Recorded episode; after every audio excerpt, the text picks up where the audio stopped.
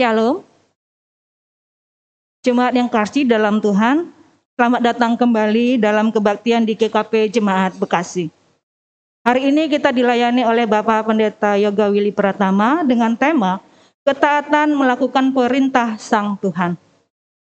Jemaat Tuhan, dalam kondisi yang ada seperti sekarang ini membuat kita belajar untuk beradaptasi, menyesuaikan diri, dan tetap waspada terhadap pandemi yang tetap berlangsung dengan menjaga melakukan protokol-protokol kesehatan yang telah direkomendasikan untuk tetap memakai masker, tetap jaga jarak. Itu kita dapat melakukan ibadah dengan baik. Dan untuk warta jemaat dapat dilihat melalui grup-grup WA jemaat dalam bentuk soft copy. Jemaat yang kasih Tuhan, marilah kita memulai kebaktian kita untuk memasuki saat teduh.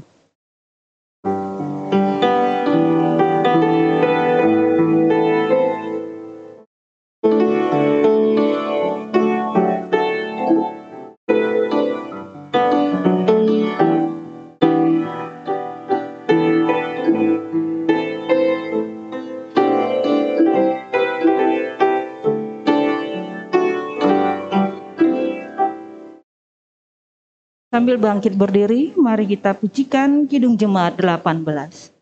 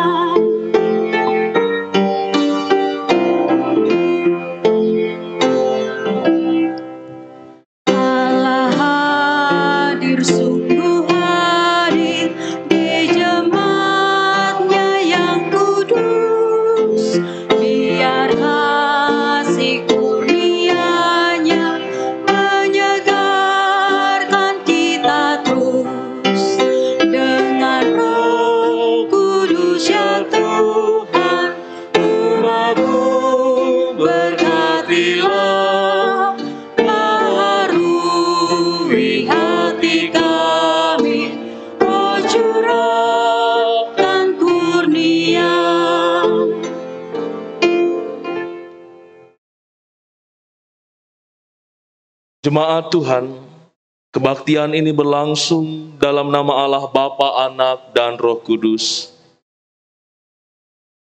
Kasih karunia dan damai sejahtera dari Allah menyertai saudara-saudara.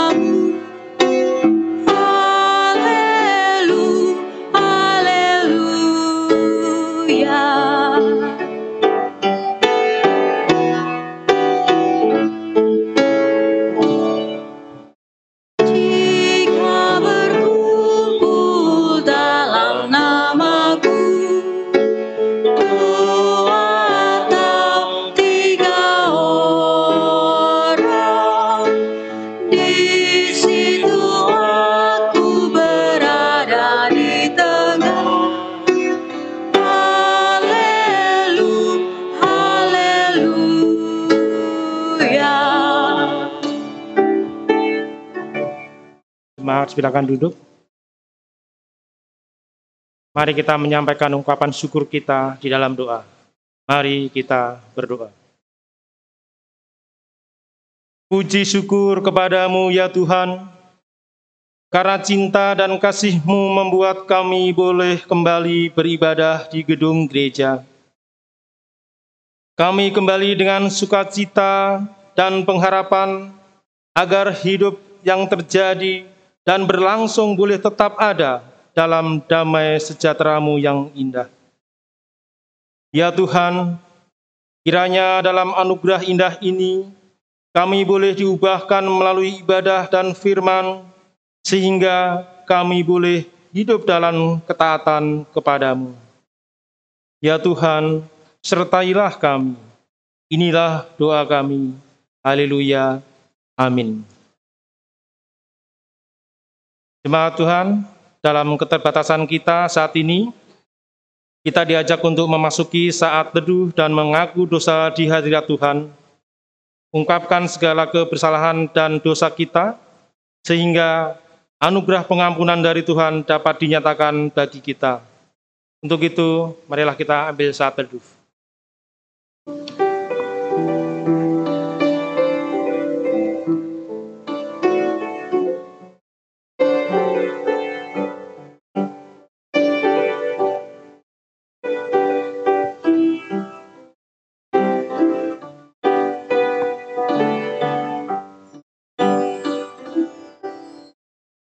Ya Tuhan, kami mengakui segala kesalahan dan pelanggaran kami atas ketetapan Tuhan yang sengaja maupun yang tidak kami sadari.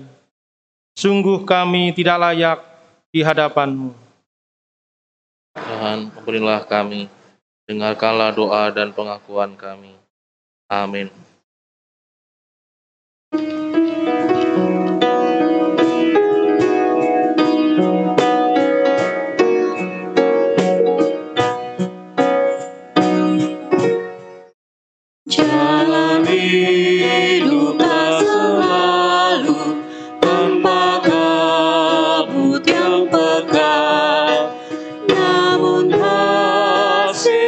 one young.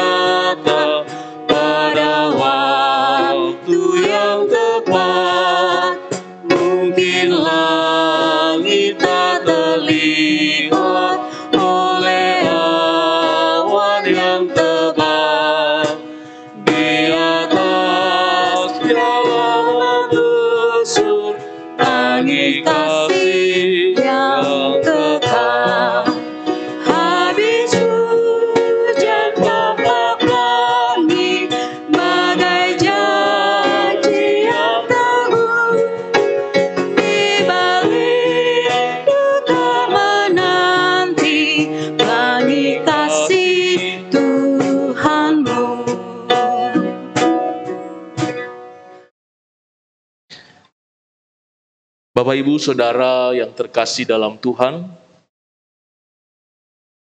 marilah kita bersama-sama menyambut anugerah pengampunan dari Tuhan. Yesaya 1 ayat 18 Marilah, baiklah kita berperkara firman Tuhan. Sekalipun dosamu merah seperti kirmisi, akan menjadi putih seperti salju. Sekalipun berwarna merah seperti kain kesumba, akan menjadi putih seperti bulu domba. Dalam nama Allah Bapa dan Anak dan Roh Kudus, kami beritakan kepada saudara-saudara yang dengan tulus ikhlas mengaku dosa di hadirat Allah, serta mencari keselamatannya hanya kepada Tuhan Yesus Kristus, bahwa Allah berkenan mengampuni dosanya. Amin.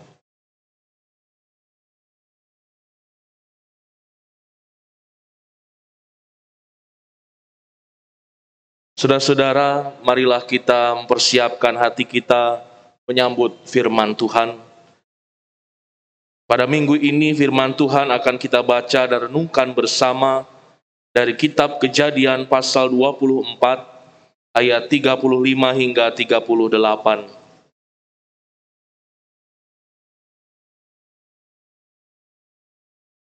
Kejadian 24 ayat 35 hingga 38. Kita persiapkan terlebih dahulu.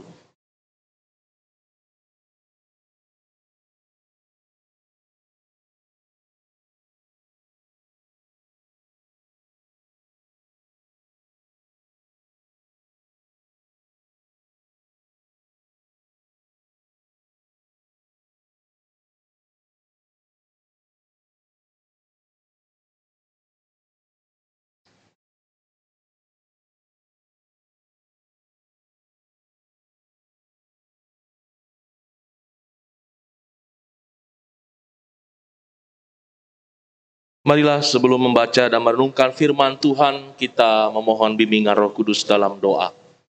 Kita satukan hati kita, kita berdoa.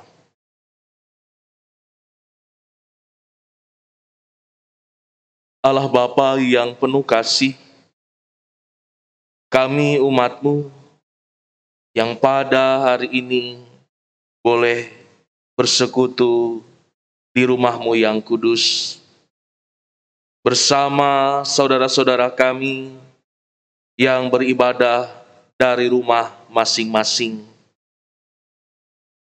Menaikkan kapan syukur kami kepada Tuhan atas penyertaan dan pemeliharaan tangan kasih Tuhan bagi kami.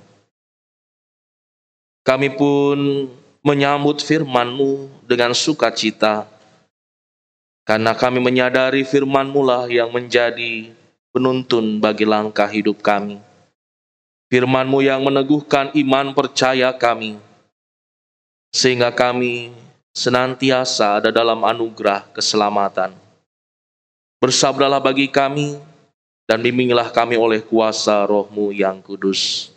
Dalam nama Yesus Kristus, Juru Selamat kami yang hidup, kami berdoa. Amin. Mari kita menyimak bersama pembacaan Alkitab. Kejadian 24 ayat 35 hingga 38. Begini firman Tuhan. Tuhan sangat memberkati tuanku itu, sehingga ia telah menjadi kaya. Tuhan telah memberikan kepadanya kambing domba dan lembu sapi, emas dan perak, budak laki-laki dan perempuan, unta dan keledai. Dan Sarah, istri tuanku itu, sesudah tua, telah melahirkan anak laki-laki bagi tuanku itu. Kepada anaknya itu telah diberikan tuanku segala harta miliknya. Tuanku itu telah mengambil sumpahku.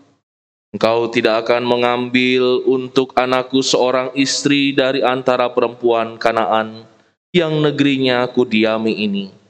Tetapi engkau harus pergi ke rumah ayahku dan kepada kaumku untuk mengambil seorang istri bagi anakku. Demikianlah pembacaan firman Tuhan, berbahagia setiap orang yang mendengar firman Tuhan serta memelihara dalam hidupnya. Haleluya.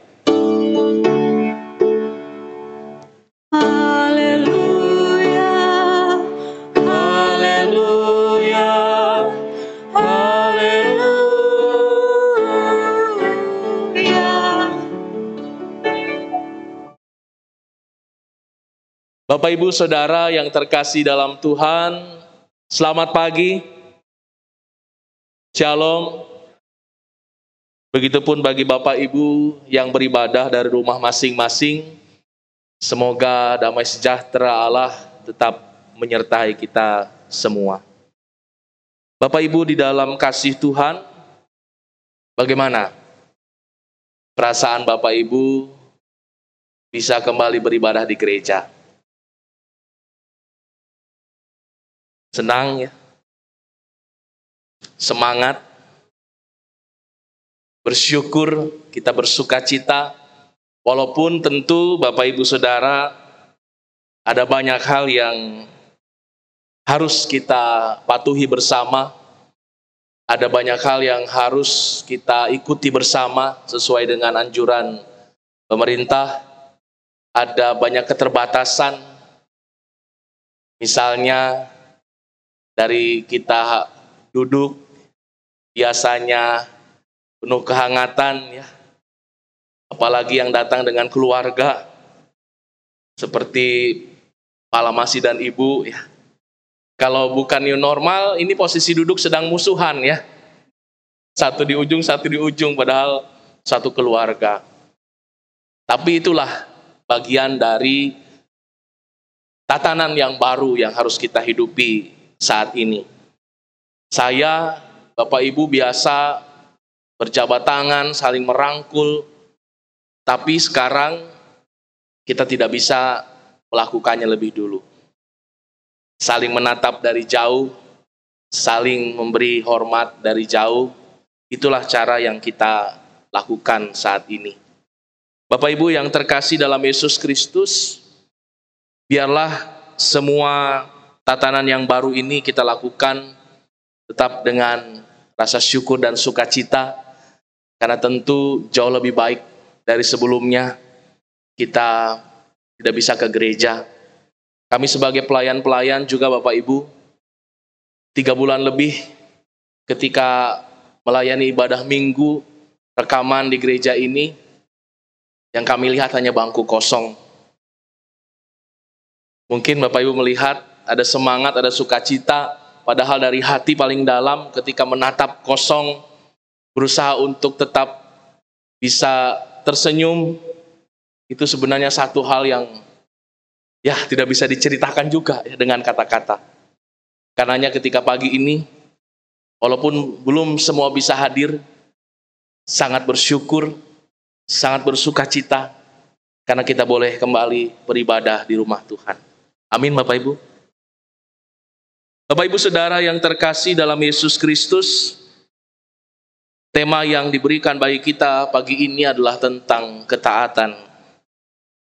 Maka saya mengingat sebuah cerita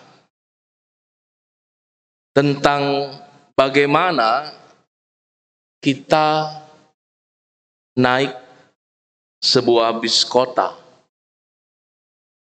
Setiap orang yang naik bis kota, dia tidak akan pernah bertanya kepada sopirnya akan dibawa ke mana. Bapak Ibu pernah naik bis kota, misalnya 09 ya, ke Senen, pernah bertanya mau dibawa ke mana? Pak, saya mau dibawa ke mana? Saya yakin nggak bertanya seperti itu, karena apa?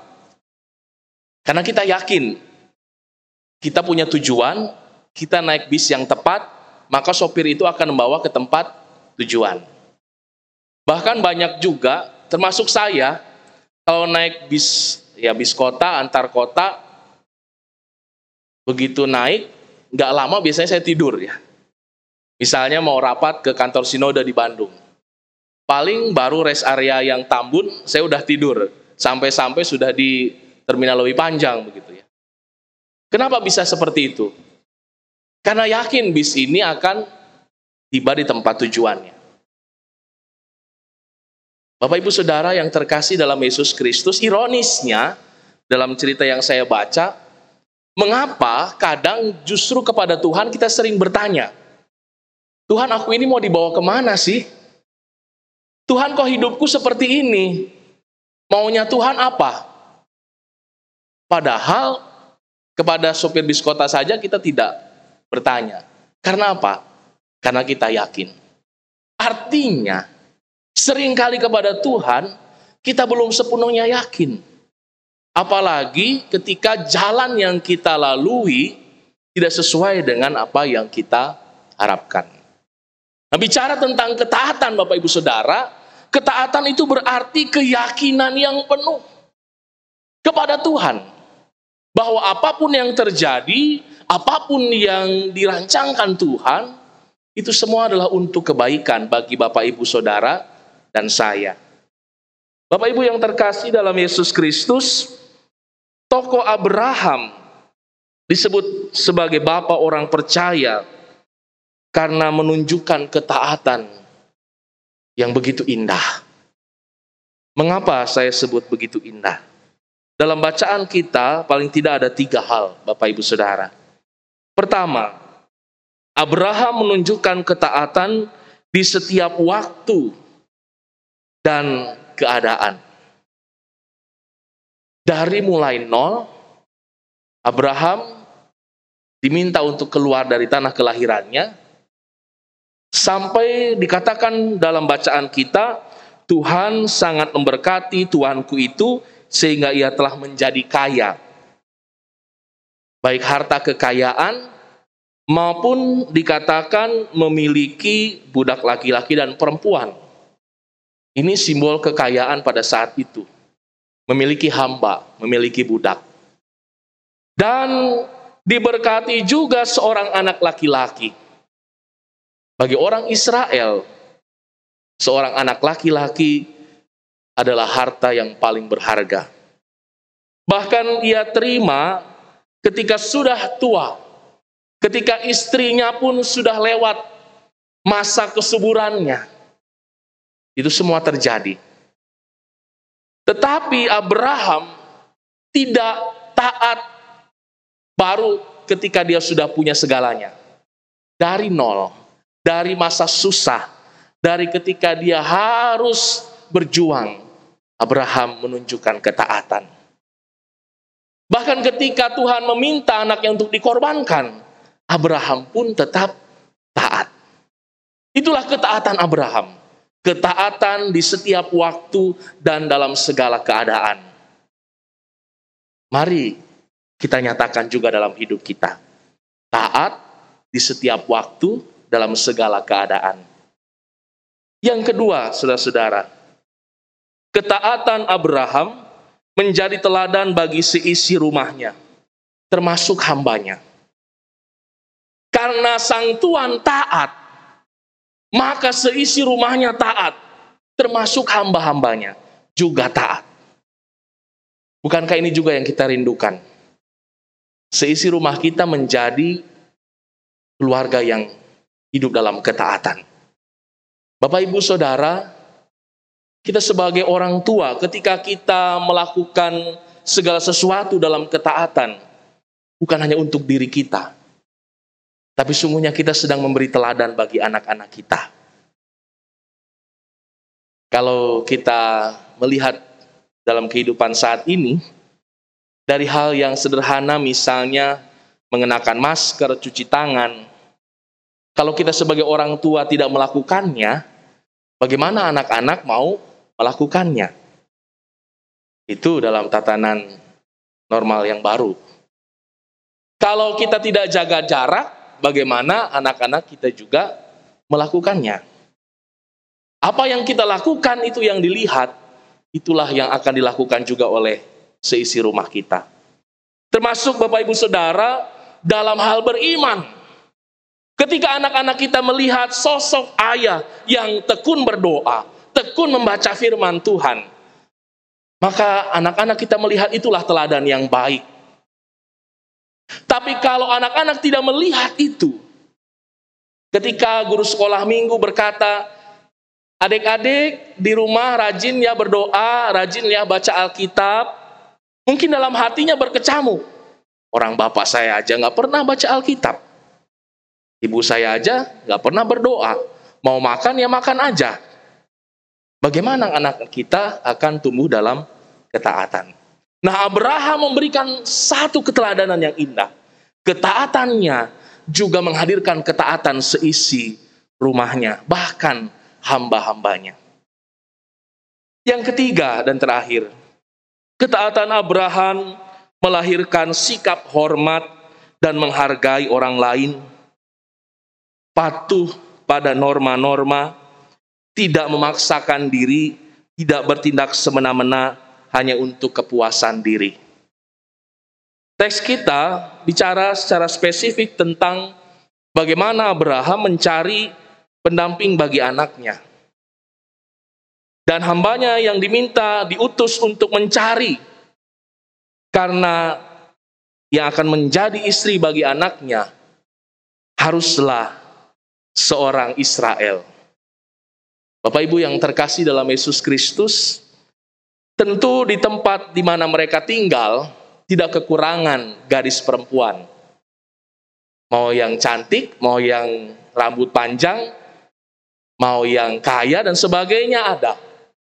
Tetapi Abraham hidup dalam norma dan dia mengajak seisi rumahnya untuk taat pada norma itu. Ketaatan melahirkan kepatuhan pada norma-norma yang harus kita jaga bersama. Seperti kita saat ini, kita lahir dengan identitas kita. Saya orang Sunda, ada Opung Utajul orang Batak, ada Opa Aris orang Toraja. Kita lahir dalam tradisi, dalam budaya kita masing-masing. Siapa yang mau menjaga budaya itu kalau bukan kita? Maka Abraham menjadi contoh. Ketaatan kepada Tuhan juga melahirkan bagaimana dia respect, bagaimana dia menghargai norma-norma, tradisi, budaya yang dia pandang baik. Bapak Ibu Saudara yang terkasih dalam Yesus Kristus, kalau kita lihat dalam hidup kita sekarang, banyak sekali orang yang menerobos rambu-rambu. Mudah sekali menerobos apa yang selama ini sudah dijaga oleh orang tua dan leluhur kita. Coba kita lihat anak-anak kita. Bagaimana cara mereka menyapa kita sebagai orang tua? Mungkin karena seringnya dilihat film barat, kalau budaya barat manggil orang tua ya nama saja ya. Joni misalnya ya.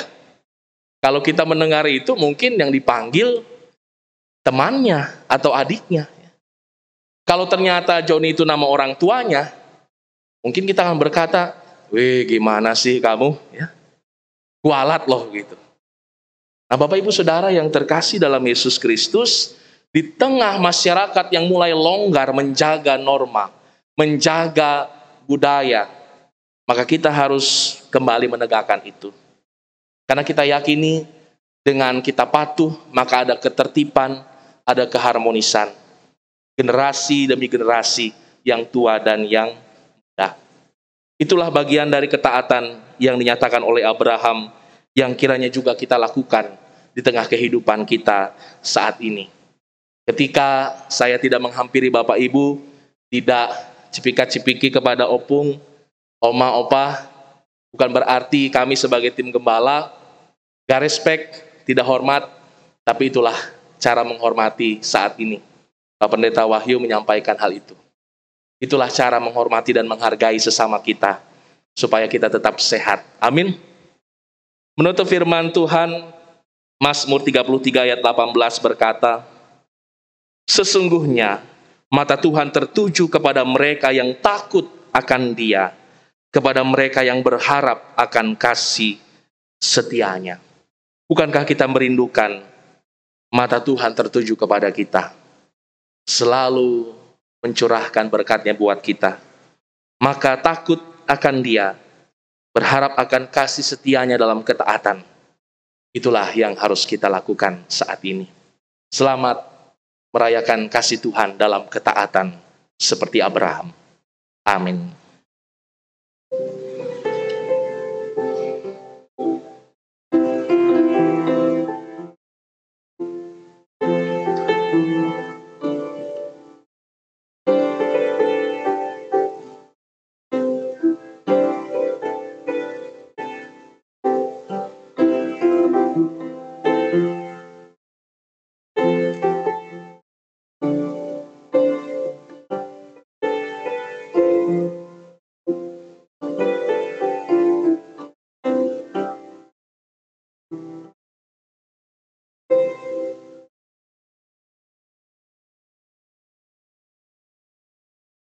Jemaat Tuhan, kami undang kita bangkit berdiri. Marilah kita sama-sama mengucapkan pengakuan demikian.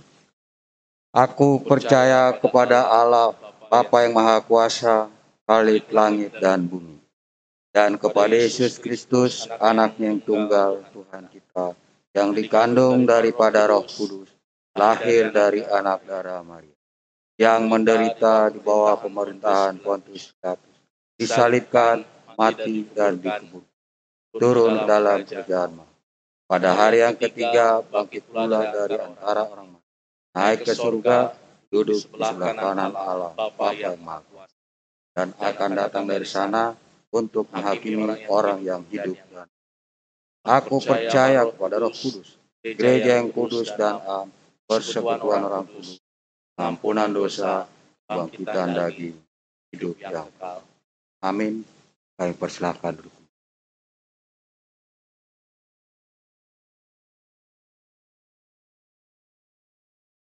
Mari kita menaikkan doa syafaat kita.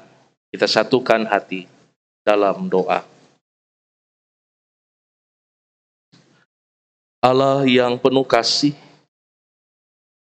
Tuhan yang memperkenankan kami kembali bersekutu di rumahmu yang kudus. Walaupun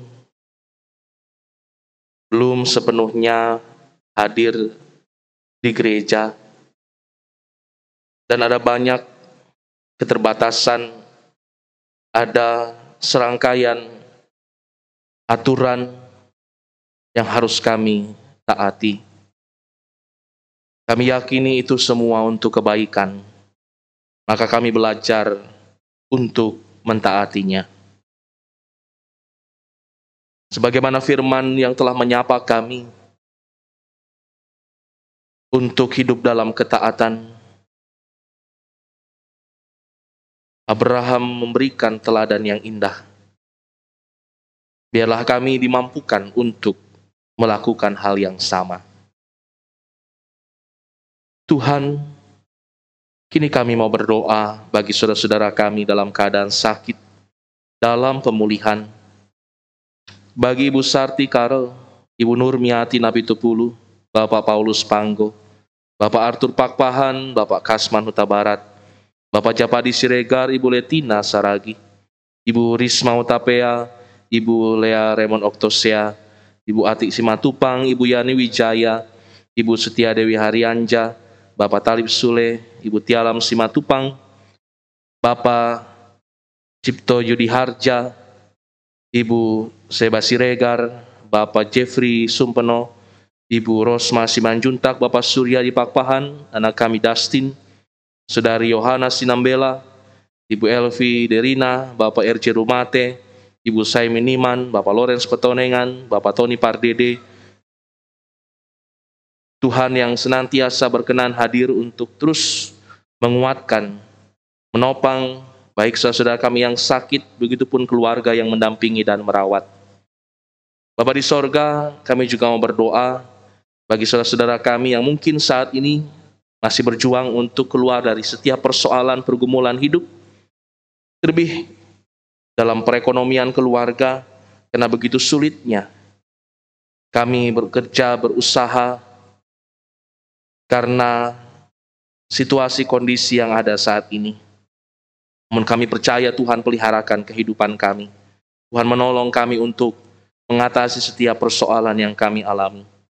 Bapak di sorga berkati juga bagi anak-anak kami, mereka yang saat ini mempersiapkan untuk naik kelas, masuk ke sekolah yang baru, anak-anak kami yang kuliah, sedang menyusun skripsi, akan menghadapi sidang, dan lain sebagainya. Biarlah Tuhan menolong mereka agar di tengah keterbatasan yang ada, mereka tetap boleh menjadi generasi yang unggul.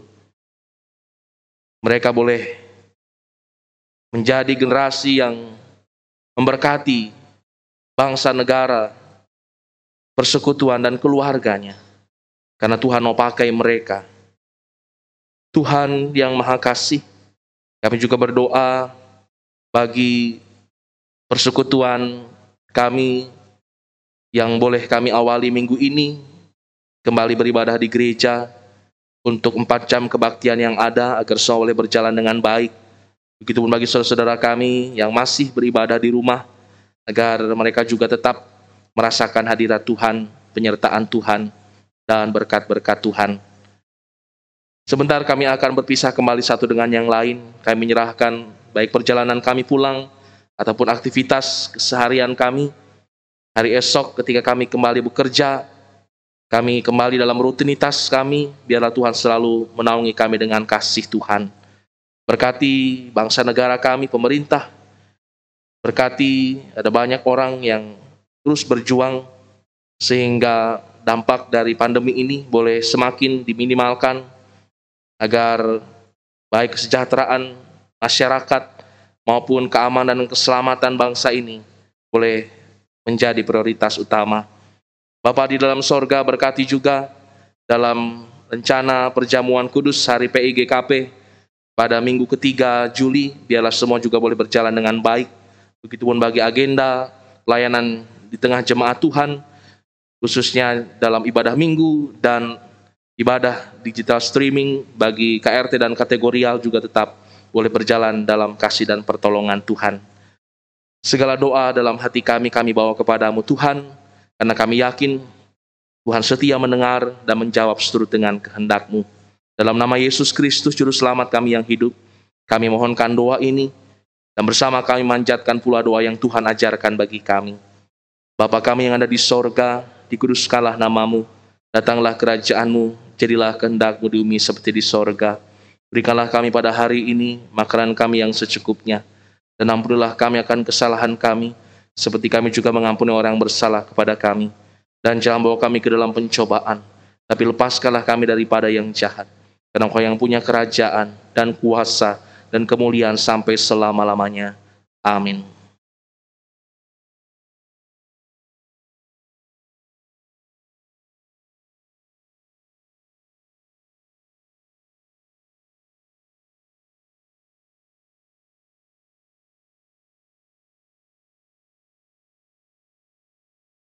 Jemaat Tuhan, dalam kebaktian new normal saat ini, jemaat dihimbau untuk dapat memberikan persembahan secara cashless atau melalui QR code dengan scan barcode yang telah tersedia di hadapan jemaat atau melalui transfer ke nomor rekening GKP Bekasi. Namun, tetap melakukan protokol kesehatan yang telah dihimbau oleh pemerintah dan juga yang telah disepakati. Bagi anggota jemaat yang kesulitan dengan metode cashless, maka jemaat dapat membawa persembahan ke depan dan memasukkan ke kotak persembahan yang telah disediakan. Kotak putih adalah kas jemaat 1 dan 2, lalu kotak adalah kas pembangunan GKP Bekasi. Dengan tetap menjaga jarak, demikianlah info yang disampaikan, mohon pengertiannya. Terima kasih. Marilah kita memberi persembahan dengan mengingat firman Tuhan di dalam Mazmur 50 ayat 14 berbunyi demikian. Persembahkanlah syukur sebagai korban kepada Allah dan bayarlah nazarmu kepada yang maha tinggi. Pujian persembahan. TKJ Hidung Jemaat 314.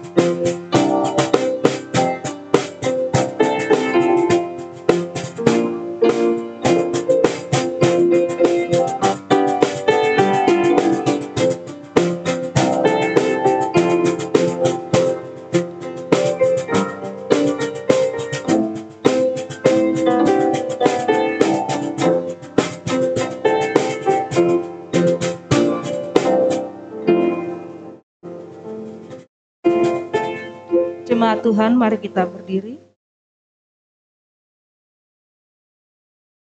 Kita bersama berdoa.